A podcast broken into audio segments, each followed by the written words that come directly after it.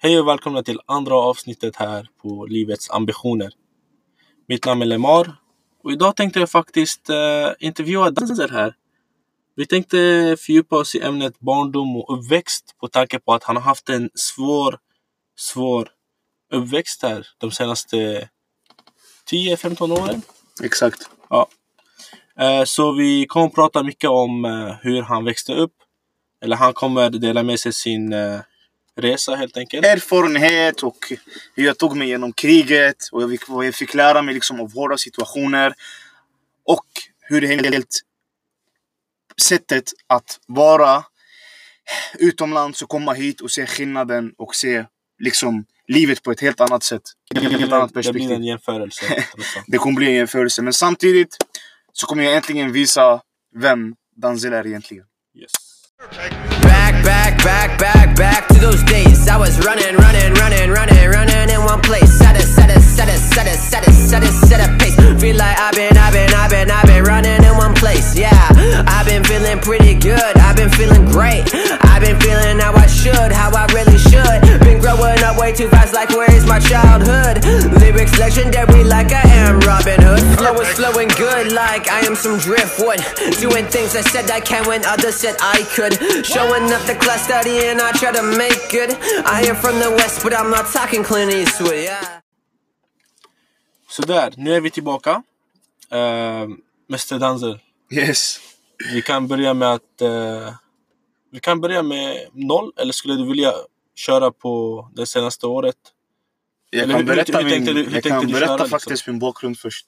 Ja, vi kan börja med bakgrund och sen komma in i Egentligen vem jag är då. med detaljer. Ja, exakt. Yes. exakt. ehm, grejen är, jag är den här grabben som har kommit liksom från krig, eh, från konflikter, från eh, dåliga saker som jag hoppas ingen av er får se i hela deras liv. Ehm, jag är uppväxt liksom, eh, jag är född egentligen då Irak men jag har bott hela mitt liv nästan i Syrien. Men eh, jag är född i Irak, jag bodde där ungefär i 6-7 år. Och eh, jag hoppas aldrig i hela mitt liv att en 6-7-åring får se och gå igenom samma sak som jag gått igenom faktiskt. Det är tufft alltså. Det har varit en jävligt lång journey som man eh, kommer faktiskt reflektera på. Som jag faktiskt tänker igenom på varje dag. Och egentligen kunde klara mig.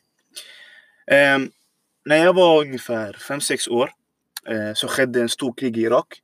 Eh, då när amerikanerna kom in. Ehm, vi hade två alternativ som familj. Eh, första alternativet var att vi stannar i landet, hela familjen, och vi dör allihopa tillsammans i samma ställe. Eller alternativet var, jag hade några kusiner redan, eh, jag hade några kusiner där nästan i Sverige. Eh, tror tre morbröder Mm. och tre fastrar.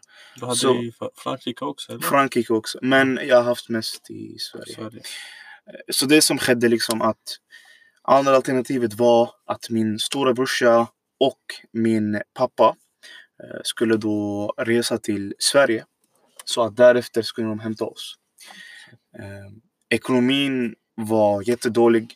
Eh, vi bodde liksom i en villa och eh, jävligt stor villa med massa rum. Och, du vet, man var en litet barn, man körde fotboll, hade roligt, hade kul tills det kom en dag där allting ändrades. Eh, alternativet blev helt enkelt att mamma, eh, förlåt, eh, brorsan och pappan eh, reste då till Sverige. Eh, vi var tvungna då, min pappa hade då en klädaffär, kostymer och sånt. Eh, han var tvungen att sälja det. Sålde det, flyttade han och brorsan. Det enda då som var problemet, att min pappa var, min mamma då var gravid med eh, min lilla syrra då. Så min mamma gick också igenom en jättehård eh, period med tanke på att du vet, det är krig och du är gravid med ett litet barn. Ja, ja. Och, och stress saken är så här, eh, det var inte vilken krig som helst. Utan vi pratar att första var, vi kunde inte få mat när vi ville. Andra saken var, man fick inte gå ut efter klockan eh, 13 eftermiddag. Man, ingen fick gå ut längre. Tredje saken var, alla mina kusiner, alla min släkt, vi hade ingen där.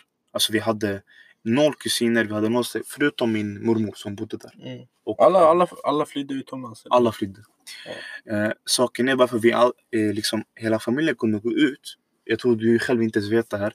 Vi hade inte den här ekonomin. Att Ja. alla skulle gå ut. Ja men det är normalt. Och sen Alltså, det var farligt. Du vet, du har en mamma som är gravid.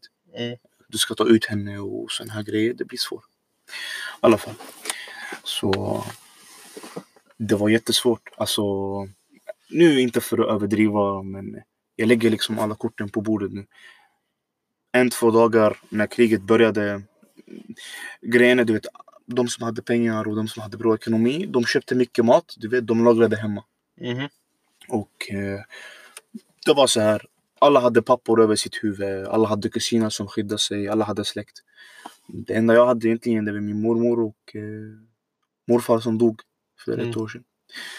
Och eh, det var det enda jag hade. Och det var så här. Min mamma liksom. Jag visste då hur en eh, kvinna, hur stark hon kan vara. Och faktiskt, kvinnor kan ersätta män när det behövs. Ja, ja, självklart. Det var så här att ehm, det var hårda tider, hårda kvällar. Du vet. Jag, jag såg bomber nästan varje dag. Alltså, det här är en berättelse som jag inte har berättat till många men det känns som att eh, de som kommer utomlands och de som kommer för till krig och sånt kommer faktiskt relatera till det här mer. Och ehm, det roliga var när det var ändå krig, vet du vad det sjuka var? Mm. Vi var ändå tvungna att gå till skolan mitt under kriget. Aha. Så tänk dig barn som egentligen ska gå och leka runt istället och ha roligt och sånt. Vi är omringade av poliser var vi än går. Det var helt sjukt. Så Militär till och med, eller militären Ja. också. Det roliga är, du vaknar på morgonen. När folk vaknar på morgonen, de lyssnar på lugn musik. Du vet, de är med sina föräldrar, de är fett glada. Jag vaknar till bomb. Alltså jag vaknar på... Det, det låter... Det där är värsta larmet alltså. Nej, nej. Alltså, det, det låter som en så här film. Men jag lovar, alltså, det var en sanning. Och kriget, eh, ja, krig, det var förstörande mentalt. Du har ingen pappa. Alltså, det är så här, ingen pappa skyddar dig. Min mamma blev gravid och hon fick barnet, min syrra. Det var då jag, min mamma och min syrra i landet. Mm. eh, Ensamma. Det, det var sjukt. Vi var tvungna att gå och knacka på dörrar. Alltså jag var tvungen, jag var fan 8-9 år. Jag var tvungen att gå och knacka på dörrar. Kan jag få bröd här? Det här är grejer som du inte själv vet. Nej. Jag var tvungen att gå och knacka på dörrar. Kan vi Jag kan typ 70 procent av din Ja. bakgrund. Det är därför den här- avsnittet kommer vara speciellt för mig liksom livet ut. För det är första gången faktiskt någon kommer veta någonting om mig.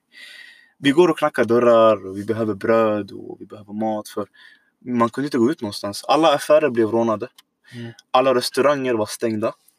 Eh, vägarna var omringade av poliser. Man fick inte gå ut någonstans. Ständigt krig. Eh, ständigt eh, liksom skott. Vart jag än går och vart jag än vände mig, det var krig. Um, men eh, min mamma hon bara nej, du kommer inte få släppa skolan. Du kommer aldrig få göra det. Även om du riskerar ditt liv eller vad det än är. Det är liksom viktigt. Hon bara, det är inte bara du. Du vet, det var jättemånga andra barn som led med mig genom samma grej. Okej, så... um, En gång. Det här var, jag tror den sjukaste grejen som jag kommer ihåg från min eh, bakgrund. På tal om skolan då exakt. Så jag är i skolan. Eh, vi sitter och vi hade matteprov. Så mitt i allt det kommer, du vet. Förut i hemlandet vi hade en larm. Mm. Eh, när den här larmen kommer det betyder att det kommer hända något. Som den här larmen finns i Sverige. Ja. Tut, tut, den här. Var det i skolan? Var den uppbyggd till skolan eller i staden? Nej, det var allmänt i staden. Okej, när det här larmet kommer då alla måste gå hem. Och eh, ingen får vara ute. För att det kommer bli en terrorattack. Eller det, det händer liksom. Och det som var sjukt att det var en terrorattack bredvid eh, i skola. Mot poliser och terrorister. Då. Alla pappor kom och hämtade sina barn. Uh, mammorna kom och... Oh, sjukt, jag får rysningar när jag säger det. här. Alla mammorna kom och hämtade sina barn. Jag var helt ensam. Alltså jag var ensam helt själv. Och vaktmästaren. Uh, och det är så här, jag går ut och du vet, jag ser alla. Du vet, jag hade en nära kompis till mig med hans mamma. Alltså hans mamma sket i mig. Hon tog hennes barn och drog. Och det var, jag stod bara där, mitt i ringen av skolan. Och det är så här, jag skakade. Alltså jag såg, det är så här. Du får det värsta beslutet i hela ditt liv. Antingen du flyr eller du stannar här och du dör. För som sagt, Springa för livet. Det var det där. det Ja. var jag har aldrig i hela mitt liv, tills nu, jag är fan 21 nu. Jag har aldrig haft i hela mitt liv en sån adrenalinkick som jag hade nu. Jag bara okej. Det sjuka är, medan jag bara okej, jag bestämmer mig, jag springer. Medan jag springer, jag tänker så här på minnen med min pappa. När jag bara, alltså, det är helt sjukt. Jag tänker på minnen med min pappa var när jag var liten och liksom när jag lekte, när jag lekte ute och jag hade det bra Och familjen. Vi åt mat. Jag ser flashbacks sådär. Det var helt sjukt. Så jag springer, det var några poliser som skyddade vår ort. Och du vet sådana här bilar som står som pepprar Exakt, med en exakt. 16. Ja. Medan jag går förbi Säpo. Mm. Ja. Medan jag går förbi, jag springer förbi den här vägen eh, hem till mig. Bredvid till vänster om mig står det poliser och jag är till höger sidan. Men jag var ändå på polisens sida, så jag hade tur. Jag var inte på terroristens sida. Terroristens sida var på andra sidan av gatan där jag var. Okej. Så jag springer och jag springer och jag springer. Till slut, eh, jag, började, jag hörde ett skott. Tjo! Det var skitnära mig. Och det Jag känner igen det där ljudet. Och det Det var en raket va? Nej, det var inte en raket. Det var ett skott. Aha. Ja, för jag var på polisens sida och terroristerna sköt. Eh, så det som hände då, det var att jag hörde det här skottet och det här skottet gick igenom. Du vet de här eh, affären när de stänger en... eh, Ja, okej, det, ja, det var, den gick igenom affären. Så om den här kom på mig jag skulle vara död. Och det är så här. Det, vet du vad det sjuka är? Det känns som att min kropp gjorde sig dö. Alltså, så den kom, det, min kropp gjorde sig redo. Att jag kommer dö nu. För du vet, jag hörde bara tjing, tjing, tjing. Alltså jag hörde bara ljud hela tiden. Höger, vänster, höger, vänster. Jag har aldrig varit så rädd i hela mitt liv. Alltså jag... Jag har aldrig varit så rädd i hela mitt liv. Det är så här. Och sen... Alltså min kropp blev spänd. Jag, jag, så här, jag kunde knappt springa längre. Alltså jag blev helt spänd. Du vet, jag var rädd. Sen det kom någon polis. Jag, de här poliserna vaktade vår ort förut då. Ehm, så han kommer till mig han bara, Vad gör du här? Vad gör du här? Det är mitt i kriget. Vad gör du här? Vart är dina föräldrar? Ingen här. Man var mitt i kriget. Nej bror, jag visste Ja. inte. Sen jag, sen jag kollade på honom, jag bara, jag har ingen. Min mamma, jag vet inte vart hon är. Den här mannen, han släpper sin squad av poliserna. Han tar mig han går och lägger mig i lägenheten. Och det är nära porten. Så Vems lägenhet? Han, lägger, han lägger i porten? Ja, i porten i vår lägenhet där Ah, jag bodde. okej. Ja, exakt. Och eh, jag går ut till balkongen och du vet, jag öppnar dörren. Jag ser mamma, hon gråter. Hon bara, mitt barn är borta, mitt barn är död. Du vet, hon trodde aldrig någon kunde överleva det där. Sen hon ser mig och du vet, jag har aldrig sett en sån lycka på min mamma hela mitt liv. Alltså, Morsans ansikte. Ha? Alltså morsans ansikte. ah, det var så här, det var, det var lycka sjukt. va? Trots att du vet, man var mitt i kriget och mitt i terrorattacken. Mm. Alltså hon grät, alltså det var var så Kan här, tänka mig och bra. jag kom och mamma bara, vart har du varit? Så hon kramade mig. Var så här. Efter fem minuter, jag, jag sitter bredvid min mamma sådär. Hon var så glad att jag kom tillbaka. Och eh, mitt i allting då, jag hörde den boom, värsta bomben. Det var helt sjukt. Nära porten va? Jag går ut eh, till balkongen. Balkongen, man kunde gå se gatan där jag sprang förbi. Jag ser den här mannen som räddade mig. Det här är sjukt. Jag ser den här mannen som räddade mig. Han blev i bitar. Uff. Alltså hans halva kropp, jag ser halva kroppen i andra sidan och den andra halvan är på andra sidan. Och tänk dig, du pratade med den här mannen för två, två tre minuter sedan. Exakt. Och den här mannen räddade ditt liv. Men han förlorade sina egna. Ja. Tänk dig hur sjukt det är. Så det är så här. Min mamma hon bara okej. ehm, du kommer aldrig eh, gå till skolan mer. Så där eh, vi la av skolan. Så det blev för farligt i Irak, alltså där jag bodde. Det, Irak det var väldigt hemskt. Det sjuka är, du vet. Ne, vet du hur barn blev glada? Där. Nej, jag vet inte. När de fick ren vatten. Ja, just det, just det. Kan du relatera alltså? Nej, där det fanns inte en fontän du sätter på Nej. och vattnet rinner ner. Nej det, utan- kommer, det kommer med en lastbil, eller hur? Nej. Det kom, när det var krig, krig, det kom ambulansen. Eh, nej, vad heter de här brandkåren? Ja. De har ju vatten. Ja, Sen alltså man lastbil. hade... Ja, exakt. lastbil, Ja, och sen exakt. de, man hade en grej, man fyllde vatten på exakt. och därifrån det Uff. ner vatten. Och, och om de där inte kom, du måste ner, öppna ett hål i väggen och sen eh, pumpa vatten ut. Men bror, jag fick för mig att du vet, vissa, ibland de kom Men terroristerna, eh, de sköt på de här så du vet, eh, de kunde inte, Mm, det hände också. alltså, Alltså, de, de bombade hela jag stället. ser vissa liksom. dagar vi hade, jag, hade, jag åt ingenting. Alltså jag levde typ på bröd. Alltså även fast de var där, de kunde bli attackerade. Ja, exakt. Så de tar ju vattnet till och med. Mm. Det, det var hemskt. Så uh, sen kom en dag eh, som ändrade allt. Eh, det var så här att eh, min eh, mormor, min mamma hade en del då i huset. Ja. Eh, de hade en skitstor villa. De sålde delen, eh, min mammas del. Min mamma fick pengarna då. Det sjuka är, medan den här perioden, vet du, vi var så här låga på pengar. Och vi, vi, det var tre månader kvar tills vi inte kunde betala hyran längre. Mm. Och då vi kunde bo, bo i gatan istället. Det var din mormor, mormor som hade Som räddade oss. villan. Hon, Som hade villan. Hon hade villan. Och ni hade lägenhet. Exakt. Exakt. Grejen är, vi hade hyreslägenhet. Mm. Men som jag sa i början, vi hade en villa förut, också vi. Men Mm. vi sålde villan för att min, mamma, äh, min pappa och min bror ska kunna Exakt. resa till Sverige. Så det enda som stannade kvar, det var lägenheten. Ah, ja. Eh, så det som hände då att eh, villan såldes. Min mammas del i alla fall. Vi fick pengarna. Och min mamma sa till mig en grej. Antingen vi stannar här och ruttnar och vi kommer dö som alla andra. Eller så åker vi till Syrien. För vi har några kusiner i Syrien också. Det är så här. Min mamma hade inga kontakter, hon hade ingenting. Och eh, det blev mer att okej, vi bara kör och eh, det är antingen du gör det nu eller du gör det aldrig. Det, det var en jävligt tuff beslut. Men ja, i alla fall. Så vi, vi bestämde oss att vi liksom satsar på att lägga de sista pengarna vi hade och eh, resa till Syrien helt enkelt. Och eh, det som hände då och det som hände då i den vevan det var att jag åkte till Syrien. Vi satsade på allt. Eh, då några eh, kontaktpersoner de skickade oss till Syrien och vi bodde i, i Qamishlim. Du vet var det ligger Lemo? Bror, jag är född där. Ja, Född och exakt. uppväxt. Born and raised baby. ja, exakt. Men jag har sett jättemånga andra hemska grejer i, där jag bodde, jag, min uppväxt. Men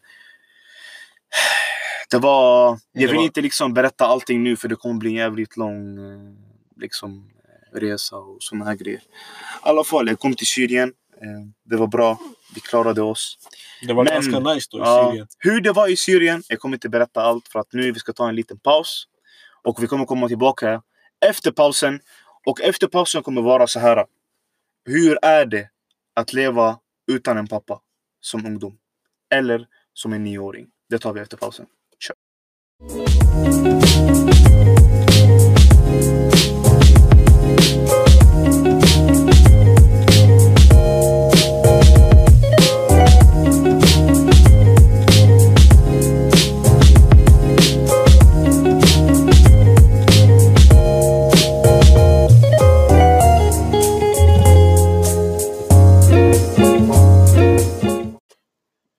Så där mina vänner, nu är vi tillbaka. Vi tog en liten paus. Vi tänkte Fadi behöver ta lite vatten, du vet. Han var, han var lite känslig. Det roliga Det blev lite känsligt. Nej, här, jag, alltså, jag, du? är- jag, jag glömde dricka vatten också.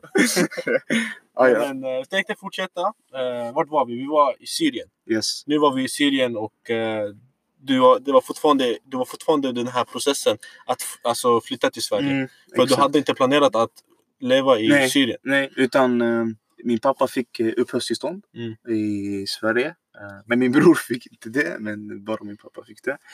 Så då kunde han hämta oss. Men eh, grejen var att vi behövde leva där ett år. Tills du vet, man blir intervjuad och varför man ska komma till Sverige och anledning. Mycket pappersarbete också. Det här var problemet. Problemet är att vi hade inte pengar när vi var där.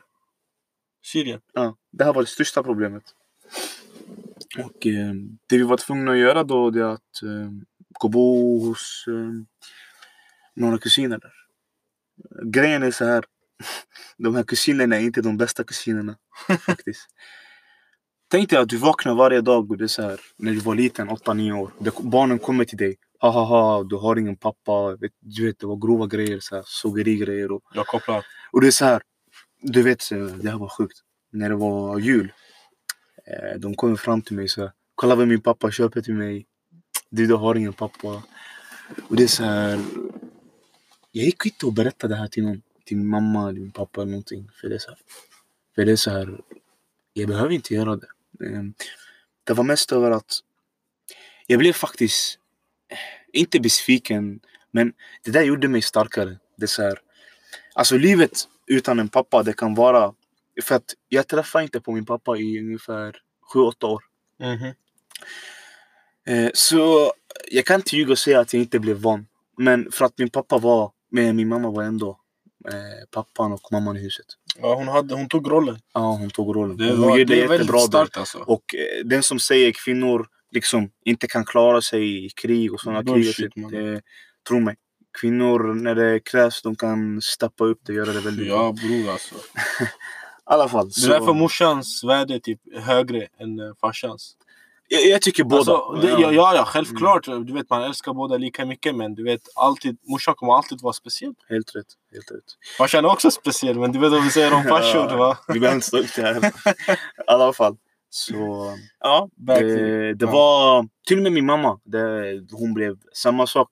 Kolla vad min mamma köper till mig. Kolla mina presenter. Och, kolla hur vi lever. Och du, ingen är bredvid dig. Och sådana här grejer. Så det var jättetuffa perioder. Alltså det var kaos. Det, samtidigt, det var det var inte lika stor skillnad mellan Irak. Alltså förutom att man var safe mer. Det här var den enda Ja, skillnaden. man var mer säker. Maten var typ ost och varje dag. För när var, när var du i Syrien? Vilket år? Det var 2007, 8, 9. Nej, nej, nej. Jag var här 2006 i Sverige. Okej. Så Ja. Eh, Kriget började hos oss 2012. 2003, Så det var, det, var, det var ingenting där. Nej, det var ingenting där. Det var helt safe. Okej. Det var safe och jag hade bra växt ändå i Syrien. Men eh, det var samma sak. alltså. Synd att vi inte fick lära känna varandra Nej, tidigare. Vattnet eh, var... Man kunde dricka vatten när man ville. Inte så att det inte fanns vatten, men du levde under dina kusiner. Det var liksom misery. Eh, Min mamma hade inte jobb, jag hade inte jobb. Det enda som hände då var att min pappa fick jobb här i Sverige och han började skicka lite över pengar och så. Men jag fick inte present, alltså julpresent tänkte man är liten. Sju, åtta år. Ja, jag, jag förstår vad du menar. Jag har inte Det- fått present på typ 16 år. Ja, och det, det är så här. Det, man måste vänja Ja, sig ja, brorsan. du, du ser alla andra framför dig och det är så här, alla sitter med sin familj och de är så glada och så här. Och jag och min mamma sitter och kollar och så där och tänker alltså hur sjukt är det så här att eh, familjen är där i Sverige, de jobbar och kämpar för att hämta oss och vi sitter här liksom. Det var inte lidande längre genom eh, att man var rädd att dö. Lidande var mest mentalt. Exakt. Syrien. Psykiskt. Eh, jättemycket. Det var ord som... Det roliga är, du vet min lilla syrra som föddes. Hon fick också samma sak. Hon går till henne och bara ah, du har ingen pappa, ni har inga pengar och mm, ingen gillar er och jag vet inte vad ni gör hos oss. Det, det sjuka är att eh, deras föräldrar låter dem säga sådär. Mm. Men eh, det var Men vi ska inte, vi ska men inte snacka det, om det var bakom stängda dörrar. Ja, i exakt. Här kommer grejen. Eh, hur, det, hur jag kom till Sverige. Det var ett mirakel. Ja, jag säger det är tre mirakel. Min mamma säger det samma sak. Så, min mammas pass går slut om tio dagar. Okej? Ehm, jag sitter och kollar på en uh, fotbollsmatch. Grejen är så här. min mammas pass går slut om tio dagar som jag sa. Om det kommer tionde dagen, hon får inte stanna längre i Syrien och hon får inte resa till eh, Sverige, hon har inte pass. Vissa vad som händer Lemo. Mm. Hon måste komma tillbaka till hemlandet, till Irak och göra Ja, det är så. Till, eh, Och vad händer då? Hon kommer aldrig komma tillbaka. Hon har inga pengar för det. Så min mamma, alltså den, den där kvällen, det, det var det sjukaste jag varit med om. Alltså det är så här, hon bara vi förlorade, vi kommer döda när vi kommer tillbaka och vi kommer aldrig klara oss, livet är över. Lemo, vi sitter och packar väskan. Vet du hur packar väskan är? Vi ska tillbaka hem. Vi packar väskan. Vi tar ut våra sista pengar. Vi ska, okay, vi ska gå bo där och eh, kanske Gud öppnar vägarna om fem, sex eller tio år till. På morgonen, min mamma hon är så deprimerad. Alltså, vi ringer taxin, vi ska till flygplatsen. Min pappa ringer. Min pappa ringer den dagen han säger Ey, ni- det blev godkänt, ni kommer komma, jag fick pappret och jag... Säg till Alltså, dem mannen! jag, jag satt Säg till dem! Lyssna. Jag, jag satt och kollade på fotbollsmatch i Barcelona. Jag tar kontrollen, jag kastar kontrollen på tvn. Jag kastar kontrollen på tvn, tvn gick sönder. Sen min kusin kommer, istället för att säga grattis, han bara "Vi ska reparera den här. Jag kollar på honom, like, de säger grattis nu. Gå härifrån! Ja. Och de, du vet, de där kokar, du vet, de kokar. Ja bror, de är i Syrien, de vill också Sen det första han säger till mig innan jag ska lämna, vi ska till Sverige, för att då passet blev tillängd eh, till tre månader fram för att Ja. kallas, yani, då man ska åka. Och då var det så här. Min kusin säger till mig, okej Fadi glöm inte mig nu. Jag bara, ah, tro mig, du är den sista jag kommer komma ihåg. jag bara, alla grejer du har sagt till mig, jag kommer, jag kommer aldrig, jag kommer aldrig så här. Kasta Ja. snabbt, snabbt! Och där ser du, även om det är kusiner eller nära vänner eller vad det än är. Det är sjukt vilket ansikte folk visar när de märker även om du är svag. Så kanske inte alla kusiner eller alla vänner är Nej, men för mig var det så faktiskt. Var- Allmänt, allmänt. allmänt. Yes, så man blev klar med det där. jag kommer till flygplatsen i Sverige. Och det är så här, du vet, jag var så glad och jag har aldrig så här, jag kollar på flyg, det första gången jag var i flygplan. Och jag säger till, jag, jag går, jag så här, jag bara, jag går till han väktaren, jag bara, är inte det här jag lekte med förut? Han börjar kolla på mig, bara, det är något fel med Det honom. är något fel med den här killen. Ja, nej men jag var så glad. Bomberna har påverkat honom. Så jag landar i Sverige och det är så här, ingen klappar. Jag börjar klappa. Hej, vi är framme. Och kolla oturen. När vi landar, vänstra vingen av flygplanen, Ja. den nuddar en grej. Så alla bara, ni måste göra en em- emergency hopp. Yani inte hoppa, den var redan på marken. Men man måste hoppa ner från en, du vet när den här dörren öppnas, man måste, som en en- rutschkana ner. Exakt, som en alla, alla ska gå ner. Min mamma sa till mig, like, till och med här vi har otur. Nej jag skojar. Men eh, vi kommer in till flygplatsen och jag ser alla mina kusiner. Jag har träffat dem på länge. Jag, ser, jag träffar på min pappa. Jag träffar på min bror. Jag träffar på alla där.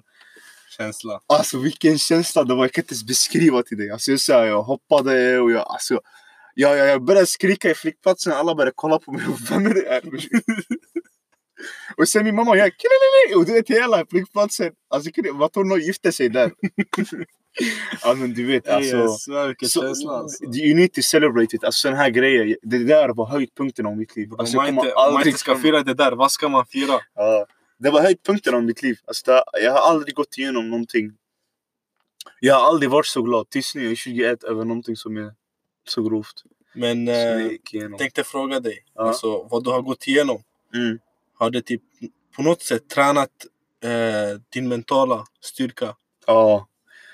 Tro mig, när du, när du ser halva döda kroppar och bomber framför dig varje dag.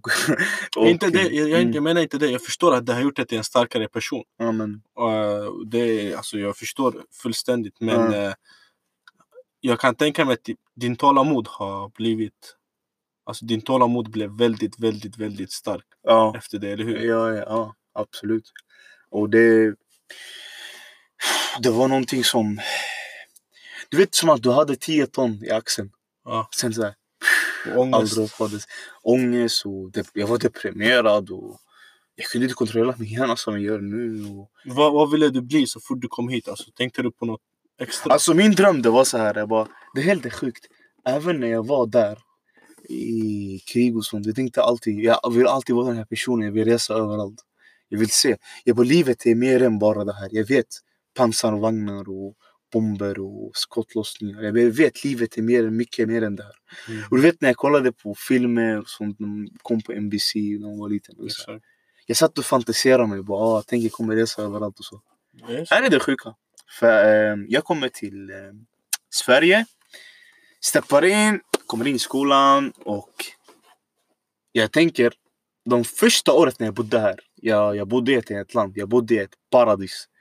Jag fick mat när jag ville, jag fick vatten när jag ville. Mat det i är skolan. safe. Vänta bror, Mat i vänta, skolan. vänta, vänta vad jag säger. Mat i skolan. Det, bror, det går inte ens förklara. Det, Bror, det var, dagens dagens Bror, barn, de mig- säger skolans mat är dålig. Mannen. Jag har inga ord alltså. vet du, jag har inga ord. Vet du varför? Du kommer dö av garv. För jag blev överviktig på skolan. Så Same, same, jag. Jag blev överviktig tack vare att det fanns så mycket mat. Jag har inte sett, alltså, jag har jag har inte sett så mycket mat i hela mitt liv. Alltså, det är så här, man lever på bröd och man lever på vatten. Och... Vi hade inte ens mjölk. Eller om vi, Vi hade bror, vi, inte vi, hade vatten, okej. Vi hade inte sett varmt hus. Men vi hade inte mjölk brorsan. Mm. Bror, mjölk. Det var, det var smoothie för mig, förstår du? Ja. det, Milkshake. det var helt sjukt. Och det, det, var, det var så det blev. Och sen när jag kom till Sverige, jag tänkte, jag, jag kollade på de andra hur de är. De klagar på små saker. Det Ja. var äcklig skolmat.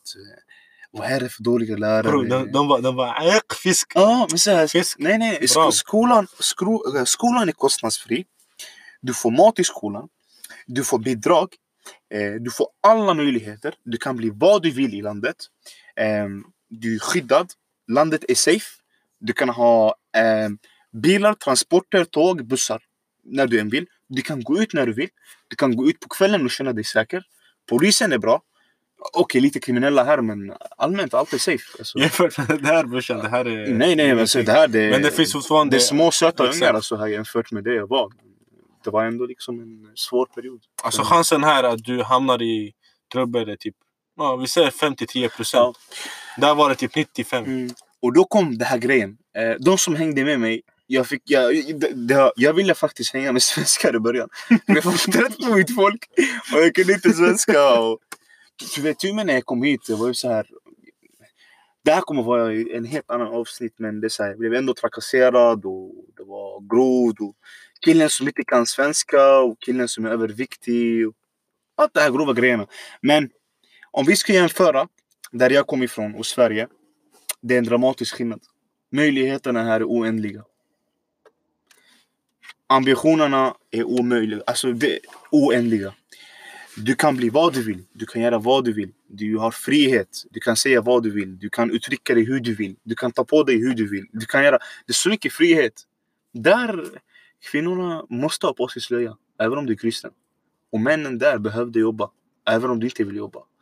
Och det värsta är när du är eh, 15 år där, eller 16, du måste gå och göra militären. Här är det kostnadsfritt, eller det är frivilligt liksom, frivilligt om man vill göra det. betalt till och med. Så, eh, jag tänkte faktiskt nu eh, ta en liten break. Efter breaken kommer jag berätta kortfattat hur det var i Sverige. Blev du törstig? nu jag ska dricka vatten på riktigt. Och eh, jag kommer berätta hur det var i Sverige och eh, hur min period var i Sverige.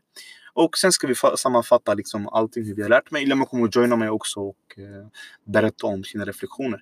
För er som lyssnar tills nu, mycket bra. Eh, jag tycker att ni också går hämta lite popcorn eller Och ni får en Body Selection t-shirt. Ja, absolut. En liten sponsor.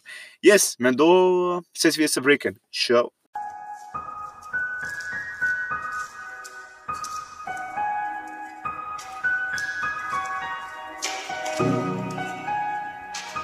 Så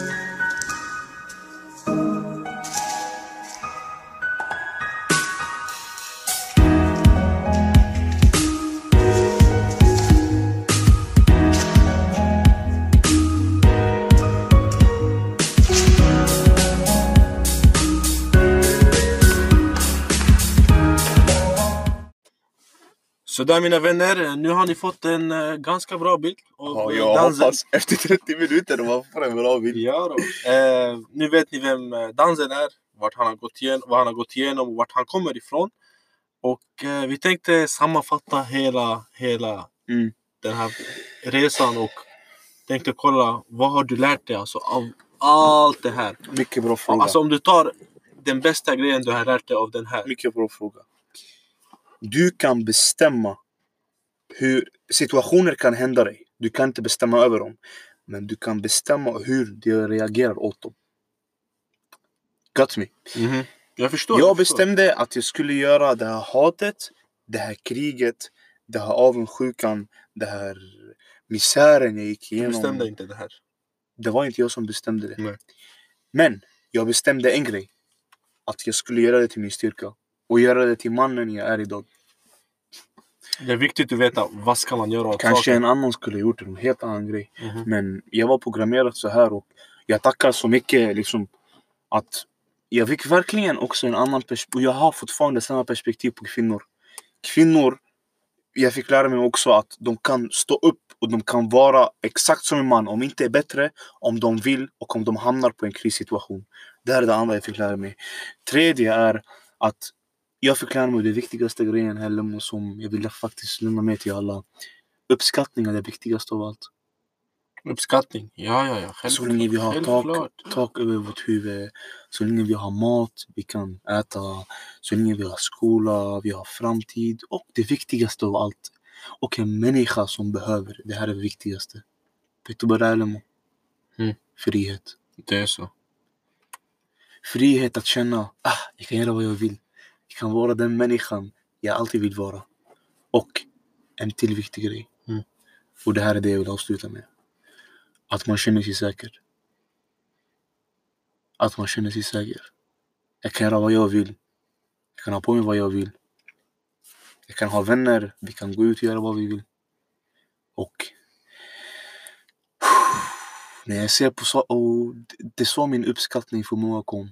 Och det är så här. Jag klagar aldrig på någonting nu. Allting jag har är en gåva. Det här är en eh, känd citat.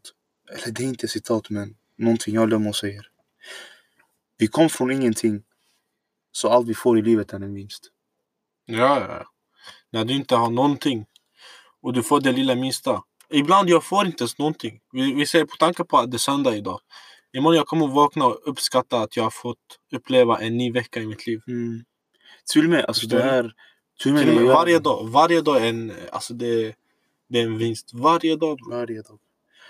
Varje Så- dag man träffar färdig. I alla fall. I alla fall, så tro mig. Om ni går igenom hårda tider nu och om ni går igenom hemska saker som ni ser från familjen, depressioner, man är nere, vad det än kan vara.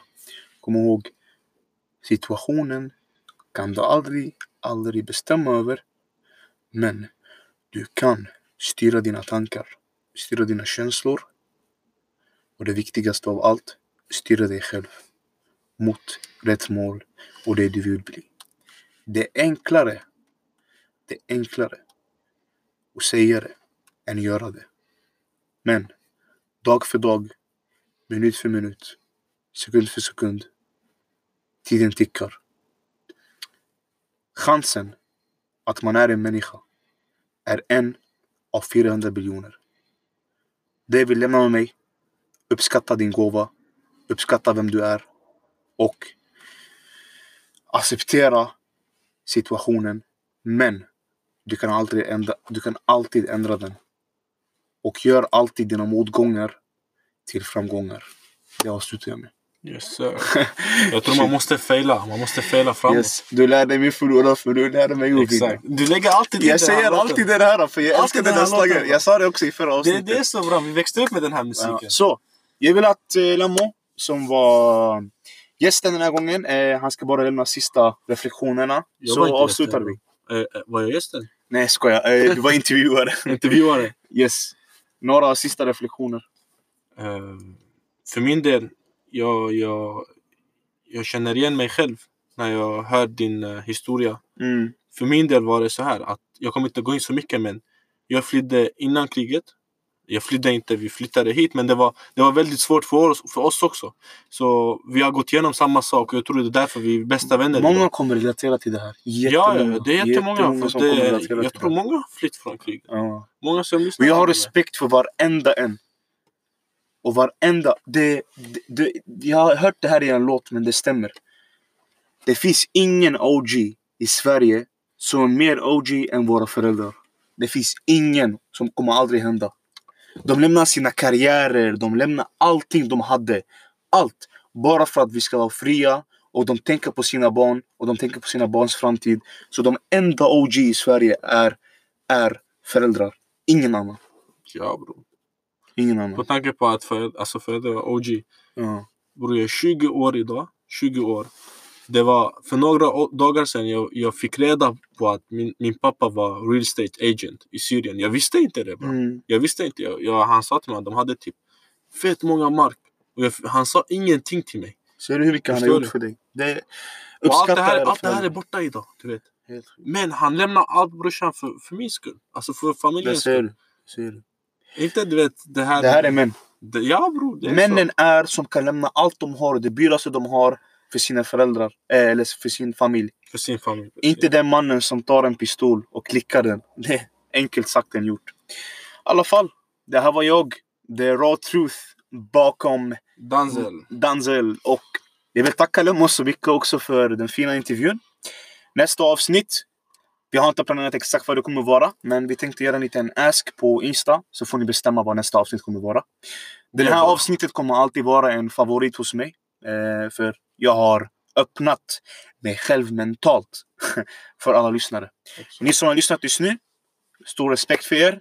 En shoutout från Danzel och såklart Body Selection och ingen annan än The Viking Trader Lemar Hanna. Ha det så jättebra folket. Vi ses. Hej då. Ciao.